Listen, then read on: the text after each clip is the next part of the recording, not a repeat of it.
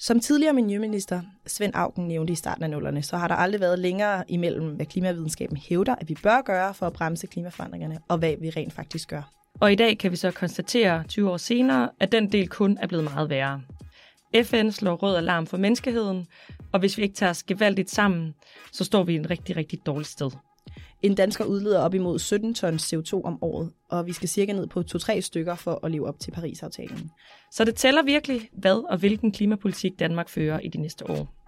Ved sidste folketingsvalg i 2019, der vurderede valgforskere, at det var Danmarks historiens første klimavalg.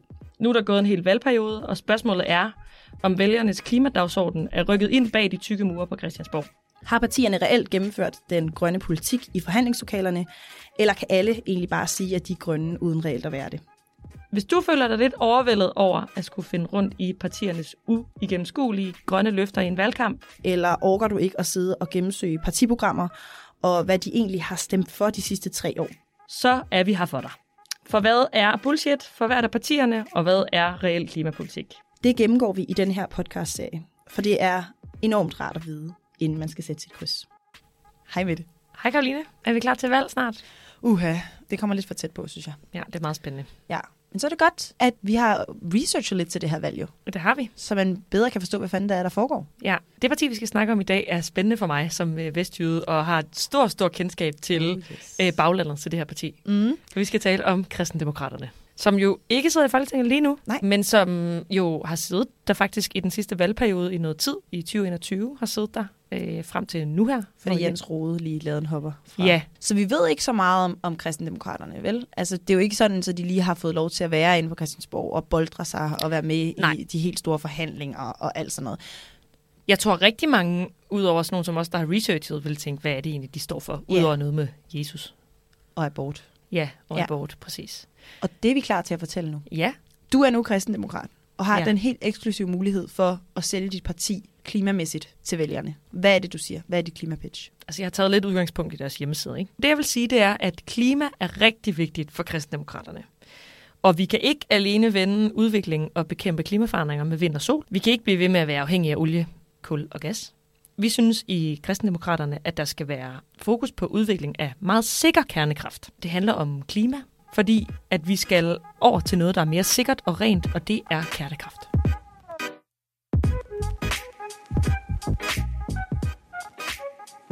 altså kristendemokraterne kan man jo sige, at et humanistisk blot parti. De taler mm. rigtig meget om sådan kernefamilien, om familieværdier, om vigtigheden af, at man skal kunne have en værdig pension efterløn og sådan nogle ting. Men de er også meget markedsborgende i deres måde at gå til klimapolitikken på. Man kan sige, at det her med, med kernekraft er lidt for mig at se noget nyt. Jeg har ikke hørt Isabella Arndt sige noget om kernekraft da hun var, var formand for partiet, så var det meget, klimakrisen er rigtig vigtig, det er det vigtigste for kristendemokraterne. Mm. Jeg tror ligesom, hun forsøgte at tabe ind i den tendens, der er, at klima er virkelig højt på folks dagsorden. Ja, hun fangede det nemlig i 2019, ja. kan jeg huske.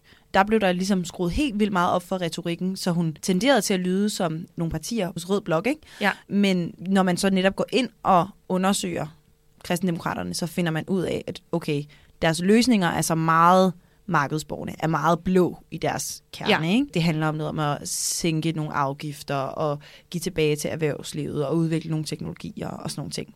Ja, og for dem var det rigtig vigtigt at være et parti, der er den grønneste i den blå butik. Ja. Og man kan sige, det er der jo rigtig mange partier, der godt kunne tænke sig at være. Men der er nogle enkelte eksempler, hvor man faktisk kan sige, okay, der har de måske faktisk været lidt grønnere end nogle af de andre blå. Mm. For eksempel i landbrugsforhandlingerne, hvor de reelt var ude at sige, det skal være et bindende reduktionsmål, som er højere end det, som både konservative og venstre spillet ud med. Og der er også nogle eksempler på, at de for eksempel siger nej til Netteholmen, eller siger nej til Kattegat-forbindelsen. Ja. Så der er nogle eksempler på, de ligesom har stået udenfor. Men det kan man også sige, det er sådan et, øh, noget Christiansborg-logik i, sidder man og stemmer, fordi de har jo kun siddet i det her år cirka mm. og kunne stemme. Så måske er det lidt nemmere at sige, det vil vi ikke gøre, hvis vi sad der.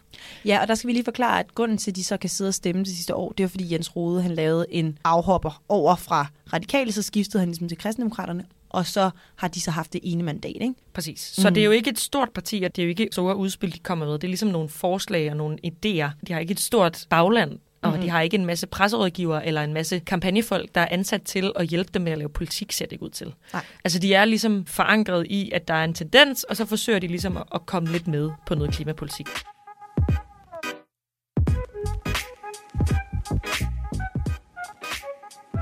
Men det, der undrer mig netop også i dit klimapitch, det er, fordi det ikke helt stemmer overens mhm. med øh, hvad Isabella Arndt egentlig var ude at sige mm. ved sidste folketingsvalg, da hun fik lov til at tage over. Ja. Og der har jeg faktisk en video med, Ja. som ret godt eksemplificerer, hvordan retorikken ligesom var mm. omkring det her. Ikke?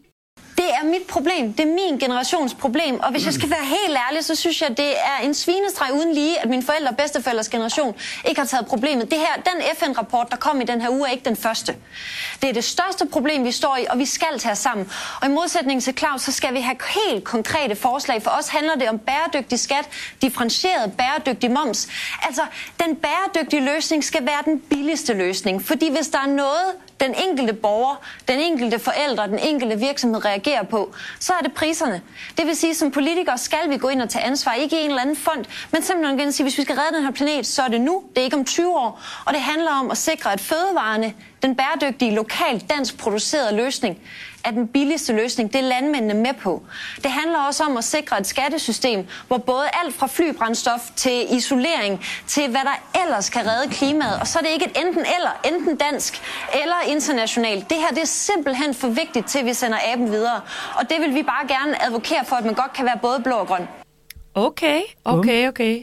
Mm. Det er jo næsten noget, man kunne høre øh, Sofie Carsten Nielsen sige. Ja. Altså, det er meget, meget øh, øh, videnskabsorienteret, så siger ligesom FN siger noget med rød alarm for menneskeheden-agtigt, og siger, at det er generationers øh, ikke handling på det her problem, der gør, at vi nu står et sted, hvor vi har virkelig travlt, vi skal gøre virkelig meget. Det skal være konkret, ikke? Ja. Eller sådan, hun er meget Ja. ja. sådan, det skal løses nu, det skal ikke løses om 20 år. Det er derfor, jeg tænker, at de Ja. slår sig så hårdt op på kernekraft nu, virker skørt. Og det tror jeg også er ting, som vi ikke nødvendigvis ved noget om. Vi er jo sidder jo ikke inde i partiet.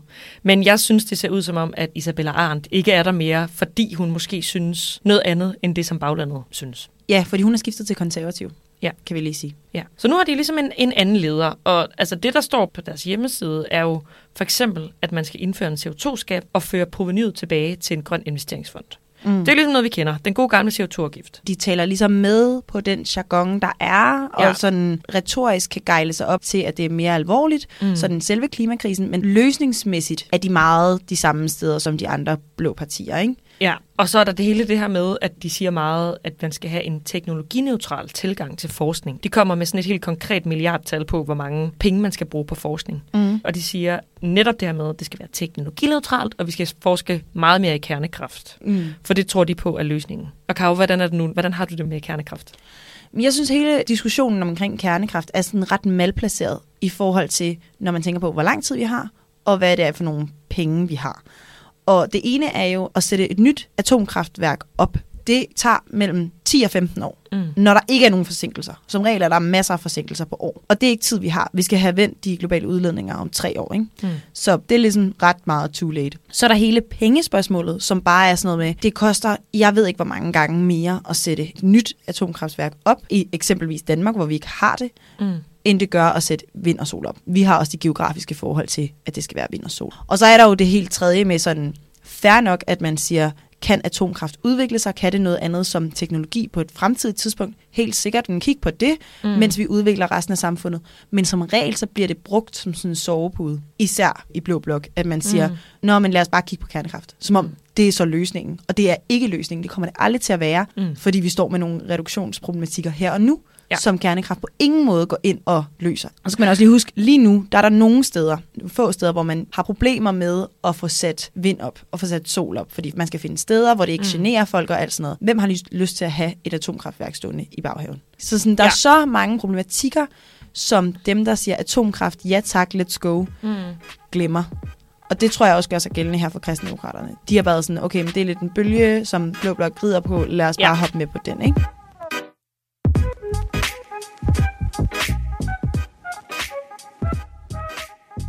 Der kommer lige en lille video her. Den hedder Landsformand for KD Mærkesager og under 1000 vælgerklæringer. Virkelig god forklaring på en video, vil jeg sige. Godt. Vi vil værne om det bedste, vi har, både som samfund og som borgere, og det er børnene. Så mener vi i øvrigt også, at man ikke må stjæle. Det gælder også den jord, som vores børn og børnebørn skal arve. Og i øvrigt, så har alle mennesker lov til at tænke, tale og tro frit i Danmark. Også når det er noget, som vi ikke er enige i. Det er de borgerlige frihedsrettigheder, og dem skal vi kæmpe for at stå fast ved. Og fed kobling med det der med at stjæle. Ja. Det kunne godt lide. Jeg troede lige, det skulle til at være et abrupt skift. Ja. Men børn er vigtige for vores samfund. Man må ikke stjæle. Kombinere det. Man må ikke stjæle jorden fra de fremtidige generationer. Ja, så der er en humanistisk tilgang, det der med, at de er rigtig gode til at sige debatter, der er næste kærlighed, og vi skal passe på hinanden, og vi skal Ja. ja. passe på naturen og mennesker. De er bare ikke helt forstået øh, klimaforandringernes øh, alvorlighed, og ligesom hvad man skal gøre ved at bremse dem rent mm. politisk. Men også fordi det lyder som sådan en kæmpe hensigtserklæring at være sådan, Mm. vi skal passe på vores jordklode, vi skal passe på vores børn. Ja, hvordan har I tænkt jer at gøre det, ikke? Det er tomme kalorier i sådan øh, en krise, som kræver nogle så konkrete svar fra os. Og Ja. det gjorde, at det var betryggende for fire år siden at høre det her, fordi der var stadig nogle partier, der sagde, for mm. Klimakrisen, det eksisterer ikke. Nu er alle med på vognen, at ek- klimakrisen eksisterer. Klimakrisen er mere akut, end den har været for. Mm. øh, fire år siden. Og nu er det så bare helt vildt ubetryggende, når partierne så ikke kommer med de konkrete svar. Og det føler jeg, at det er den fælde, som KD også går i, eller vil have os Ja. til at gå i. Det er, at de siger, det er nok bare at sige, at klimakrisen er alvorlig, og vi skal ja. Passe på vores børn. Præcis. Jeg tror, at på en eller anden måde har de nok ikke helt forstået omfanget, og hvad det er, der skal til for at nå i mål med de reduktioner, vi skal i mål med både i 2025, men også i 2030. Og det er jo det, man skal som parti. Man skal jo ikke Mm. bare anerkende, at klimaforandringer er voldsomme Mm. og tror vores samfund. Man skal ligesom også kunne komme med nogle. Ja. politiske løsninger til det. Og det virker lidt som om, at det halter ikke. Altså allerede i 2019 kunne man se, at de ligesom søgte mod de lette borgerlige svar, som var, mm. lad os lette nogle afgifter, lad os samarbejde med erhvervslivet. Så nogle ting, hvor man er sådan, ja, og, og, ja. Og hvad så videre? Altså det her har vi ligesom prøvet nu efterhånden et stykke tid at gå frivillighedens vej. Sådan, hvem er det, der rent faktisk skal rykke sig hurtigt? Fordi ellers så går det for langsomt. Ja. Det havde de svært ved allerede dengang, og så virker det som om, at Ja. som Isabella Arndt er gået ud af døren, så er deres klimadagsorden, som den var i 2019, lidt gået med. Ja, det ser sådan ud, og jeg tror, øh, for mig at se, så er det altid det første sted at starte med et partis klimapolitik, det er landbruget, fordi det er meget tit der, man kan finde ud af, hvad for en slags parti det er. Man kan sige, at kristendemokraterne ligger sig rigtig tæt op de andre partier i Blå Blok, desværre her, hvor de siger igen, at landbruget skal vokse og forbedres. Så de mener simpelthen, at et af de lande i verden, der har den allerstørste dyreproduktion, skal have flere dyr. Ja. Altså det virker som, at man slet ikke sat sig ind i klimaproblemet, eller metanproblemet, eller i drivhusgasproblemet, eller dårlige jord, vi har i dansk landbrug. Fordi Ja. man siger bare, at vi skal ikke gøre, at det flytter til udlandet. Og der køber man jo igen ind på det her lækage-argument om, at hvis vi bare stopper med at producere nogle grise i Danmark, så producerer dem et andet sted. Ja. Og det er der bare masser, ja, netop forskere, der siger, at det kommer ikke til at ske. Alle lande skal leve op til Paris-aftalen. Det er ikke et argument for, at man ikke skal stoppe med at gøre noget, der er dårligt, at Mm. andre vil gøre det i en lille bitte grad. Mm. Det vil aldrig være et argument. Og der kan man sige, der, der var jeg lidt skuffet over, at de netop ved sidste valg sagde nogle ting om, sådan, det skal være billigere at spise plantebaseret fødevarer, hører jeg, Mm. øh, Isabella Arndt Ja. lidt sige. Ja. Noget med momsen skal ned. Men så nu igen at læse, at man fuldstændig freder landbruget, og slet ikke tænker, at landbruget skal tage sin færdel af en grøn omstilling, som Mm. det også er, når vi siger, at der skal være en CO2-afgift på danske virksomheder. Det kommer til at betyde meget for de enkelte virksomheder, når vi bare freder landbruget, som det ser ud lige nu, som Blåbok er, er kæmpe garant for, så kommer de ikke til at tage sin del af den grønne omstilling, som alle danskere skal være en del af. Og det er totalt unfair. Ja. Og det her også med at lette afgifter, det er sådan en, man letter afgifterne, og så håber man egentlig bare på, at så gør erhvervslivet resten. Ja. Og det håb har bare vist sig at sådan Mm. skuffe en del gange, når du ikke sætter incitamenter, som også er modsatrettet. Ikke? Så du siger ikke nok med, at vi sænker afgifterne på nogle af de ting, der er grønnere og mere klimavenlige, men så hæver vi afgifterne på det, der skader vores samfund. Ja. Er man ikke villig til at gøre begge dele, så stiger antallet af biler for eksempel bare. Så får Ja, vi flere præcis. elbiler, men vi får også flere fossilbiler. Ja. Det samme gør sig gældende med så mange andre ting. Sådan, Ja. Det her med at sænke en afgift er ikke nødvendigvis en tryllestav. En CO2-afgift er rigtig smart. Mm. Den skal vi have, men den kan ikke gøre alt. Nej, præcis. Og det tror jeg også var der, hvor kristendemokraterne mm. løb hovedet lidt ind mod en mur sidste gang. Ikke? Var, at de ja. Ja. sagde, vi skal bare sørge for at tage de her enkle, enkle tiltag politisk, Ja, og så skal resten nok løse sig på grund af markedet. præcis.